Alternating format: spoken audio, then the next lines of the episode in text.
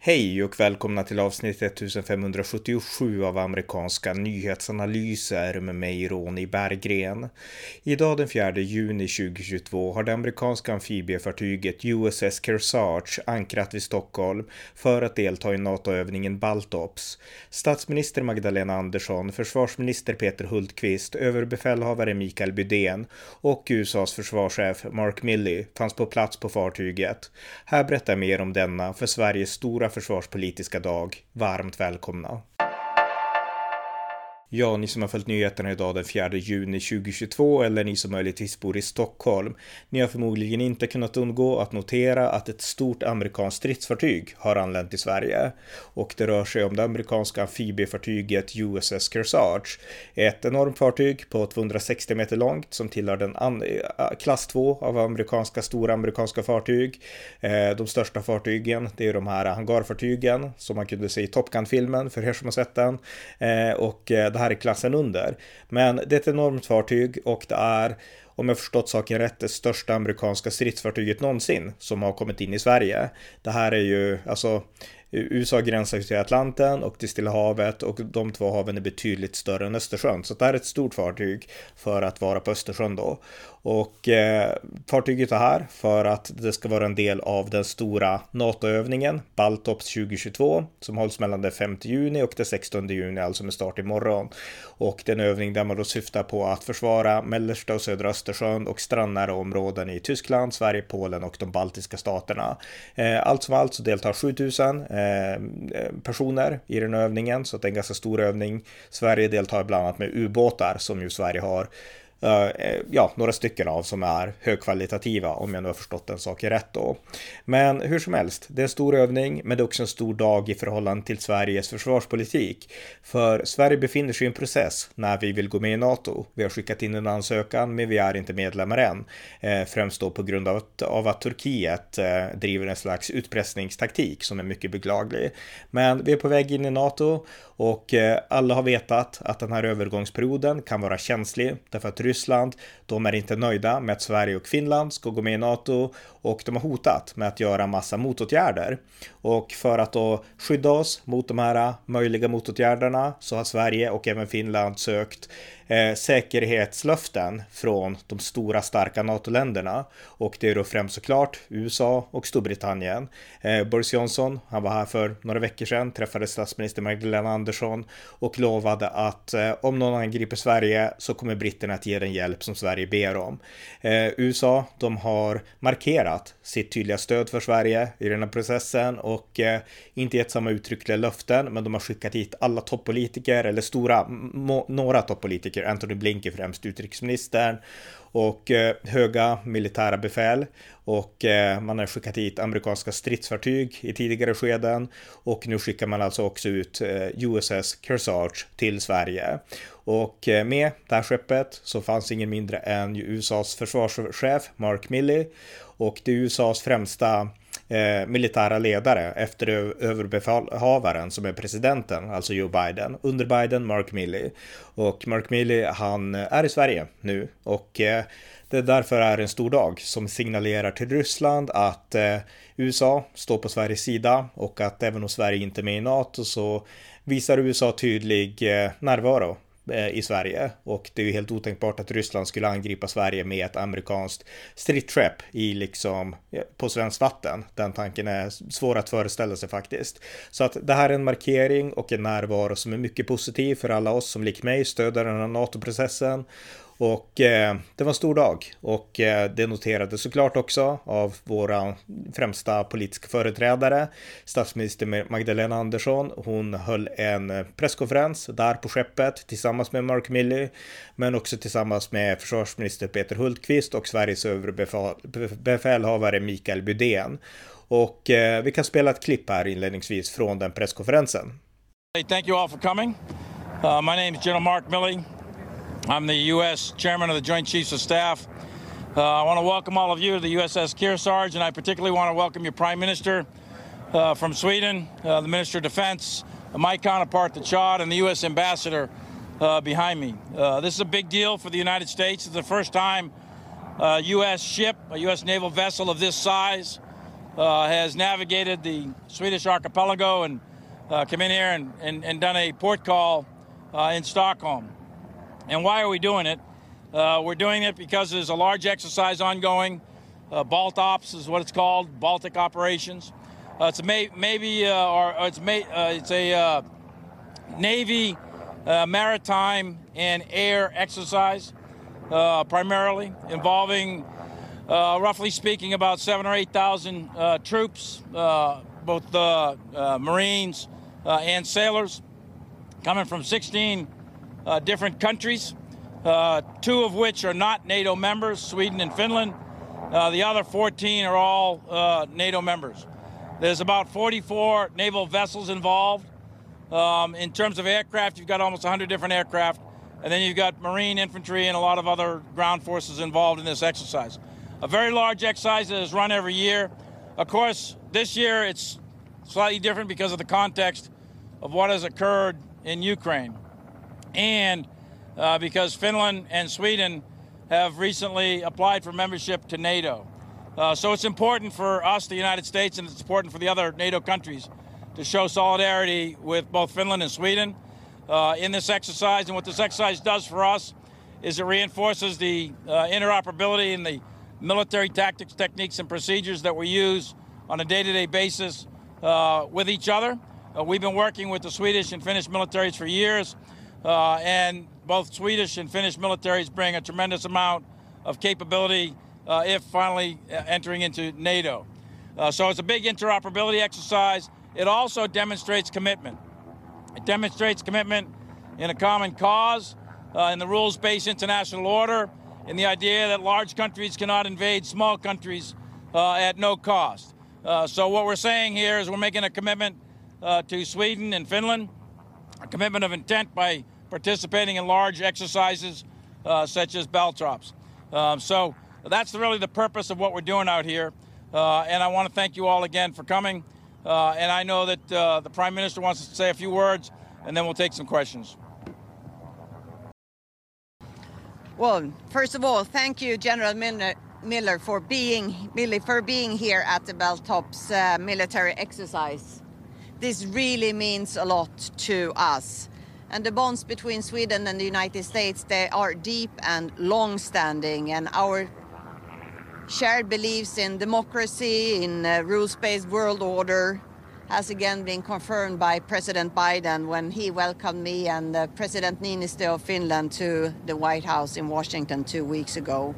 And the presence we see here today is a concrete expression of the U.S. support and also a very strong political signal it, at a crucial time in history. And Russia's full-scale invasion of Ukraine, a sovereign and democratic neighbor, is illegal and it must stop. And the transatlantic unity that we have shown during the last weeks and months will continue and has been absolutely crucial. My government has uh, again made a historic decision to uh, send additional military support to uh, Ukraine and also um, we are discussing in the European Union further financial support to Ukraine. Uh, from a Swedish perspective, it's the first time since 1939 that Sweden is sending military equipment to a country that is in war. And that was uh, in 1939 was when Russia invaded Finland. Russia's actions uh, is a watershed moment for Sweden. Therefore, we made that historic is the decision. But it also has changed our security situation in a fundamental way. And uh, the conclusion my government has drawn is that it's best for Swedish Swedish security to be a full member of NATO. And this, therefore, we have decided to send in an application together with Finland. And United States support for our NATO aspiration and for our security is of fundamental importance. And once again, I want to thank you for that. And our strong defense cooperation between Sweden and the United States is an essential part of our relationship and together we secure peace and stability in our region and at the same time we build cooperation and common capabilities stronger. So I wish you the best of luck in the upcoming exercise. Thank you. Ja, det där var USAs försvarschef Mark Milley och statsminister Magdalena Andersson på USS Kearsarge där de höll de här talen och sen så var det också en presskonferens. Andra som talade lite kort det var försvarsminister Peter Hultqvist och USAs Sverigeambassadör. Men de klippen, ja, kan ni leta rätt på själva. Men det var i alla fall de här två stora talen jag tyckte var intressanta. Sen var det några frågor från pressen som följde med också efteråt. Eh, Mark Milley, han fick frågor om eh, vilka slags eh, säkerhetslöften som USA eh, verkligen kunde erbjuda nu till, till Sverige i händelse av ett skarpt läge. Och Mark Milley sa att det är mer politiskt än ett militärt direkt beslut så att eh, det var inte hans sak att liksom avgöra exakt vilket stöd som USA kunde ge. Eh, Magdalena Andersson, hon fick en fråga om varför hon inte hade med Ulf Kristersson på den här rundturen, eh, utan istället hade med sig Annie Lööf. Och hon svarade att Ulf Kristersson har den senaste tiden agerat ovärdigt i förhållande till de här NATO-förhandlingarna och eh, att det var därför ungefär. Och jag återkommer till det om en stund. Men det var de svar som gavs och sen så, ja, fortsatte, jag följde det här via SVT, så fortsatte olika inslag med, man intervjuade soldater ombord på det här stora skeppet. Man intervjuade några USA-experter som berättade om ja, storheten i den amerikanska flottan och att USA verkligen har kraft här att visa upp. Och eh, det var väldigt intressant att följa och eh, alla som vill kan se klippen finns överallt på Youtube och sådär. Det finns många filmklipp från skeppet och intervjuer med personer och sådär. Så en stor dag för Sverige, rent försvarspolitiskt och eh, vi befinner oss i en process då när vi är på väg in i NATO och att det då signalerar styrka på det sätt som görs nu. Det tycker jag är oerhört bra och det är bra gjort av regeringen att ha kunnat sy ihop allt det här på det sätt som ändå har gjorts. Och det för mig tillbaka till det som har varit den stora inrikespolitiska snackisen de senaste dagarna, nämligen den misstroende omröstning om Morgan Johanssons framtid som är justitieminister, som Sverigedemokraterna initierat och som alla på högersidan, eh, den konservativa högersidan och liberalerna då har bejakat och eh, ja, som de då vill genomföra. Och det är då en, ett misstroende som genomförs på grund av gängskjutningarna i Sverige, på grund av kanske delvis korankravallerna, men morden, gängvålden, vapenvåldet och allt det här som Morgan Johansson inte har styrt upp. Och jag är en stark och långtida konsekvent kritiker av Morgan Johansson. Jag har skrivit mängder av primärt Facebook-inlägg om honom, hur kass han är egentligen. Jag har träffat honom för övrigt på Rosenbad för några år sedan. Eh, han är trevlig, men han känns också ganska kall och distanserad och sådär. Och eh, han har inte gjort sitt jobb bra, ska jag säga. Det, det, är det viktiga i min kritik här. Så att jag är missnöjd med honom och många andra eh, är också det. Men Magdalena Andersson, hon menar att det här har med mycket större, alltså det här kan få mycket större konsekvenser. Det kan få konsekvenser för NATO-förhandlingarna. Och på den här frågan som hon fick på, i samband med presskonferensen här på USS Kearsarge så sa hon att Morgan Johansson är en av de ministrar som är ytterst väsentliga, som är ytterst väsentlig i förhandlingarna med Turkiet om det svenska NATO-medlemskapet. Och jag har inga egna insikter att bedöma det, huruvida det stämmer eller inte. Men om så skulle vara fallet så är det såklart inte bra att eh, han kastas in och även regeringen i en sån här process mitt under NATO-medlemskapet. Eh, det finns något som heter en lojal opposition. Det är ett uttryck som jag har lärt mig att eh, bli bekväm med tack vare John McCain, den avlidna amerikanska senatorn. Och den handlar om att i krigstider så är man, man kan ha en opposition, men man är lojal när det gäller de stora frågorna och man kastar inte in landet i kriser i krigstider. Som John McCain sa att eh, jag förlorar hellre ett val än förlorar ett krig, sa John McCain. Och det som har hänt nu det är att det har gjorts valpolitik i en situation som är väldigt allvarlig. Därför att Ryssland är ett hot mot Sverige. Gängskjutningar är också allvarliga och problematiska. Vi har ett problem med massinvandring, islamisering och de våldskulturer som följer därav i Sverige. Det är inget snack om det. Jag är en av de tydliga kritikerna och en av de tydliga rösterna som har uppmärksammat det här i år, snart årtionden. Så att eh, jag är inte obekant med detta ämne. Men eh, massskjutningar i Sverige, hur allvarliga de än är, är inte lika farliga som Vladimir Putin. Det är också ett faktum. Vladimir Putin är den lilla kopian av Josef Stalin. Jag läser just nu en bok som handlar handlar om Stalin, om hur han utförde folkdeportationer, om hur han lät soldaterna eh, utföra våldtäkter på tyskar framförallt, men även andra i samband med den ryska sovjetiska erövringen av Tyskland 1945 då i andra världskrigets slutskede.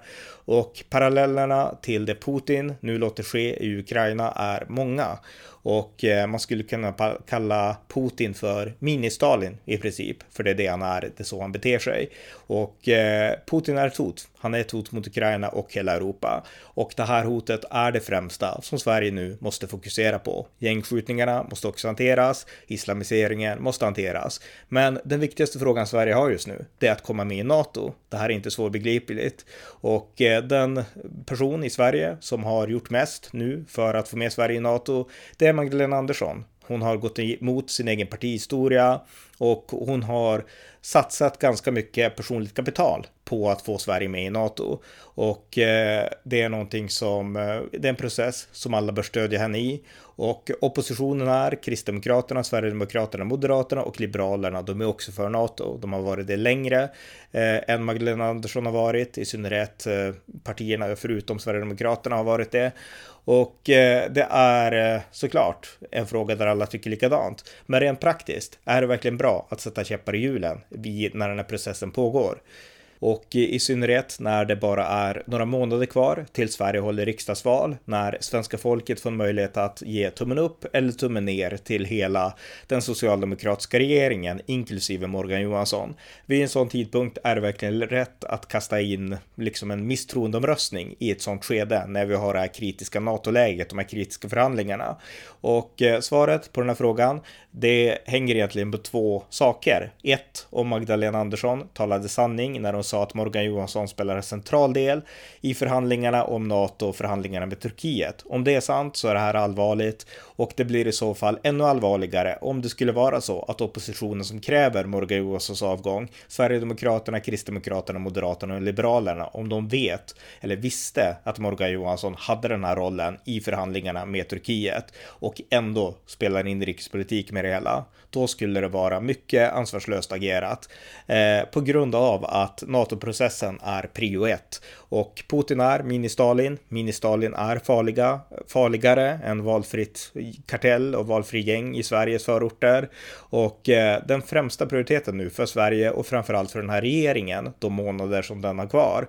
det är att få med Sverige i NATO. Och där behövs det en opposition som verkligen är lojal och som förstår att det är prio ett. Sen kan man såklart, det är valtider också, kampanja, man kan säga att det högeralternativet, det konservativa alternativet är betydligt bättre än Socialdemokraterna, så att rösta bort den här skräpregeringen i höst, rösta på valfritt högerparti istället. Så kan man och ska man såklart säga. Men i krigstider krävs det också viss lojalitet och eh, framförallt så bör man inte störa regeringsmakten genom sådana här eh, politiska instickarförsök som inte är direkt liksom förankrade i folkvalen och så. Och eh, där krävs det hellre att man är biter ihop och är mer lojal för att få den här stora utrikespolitiken att flyta på Eh, smärtfritt och bra.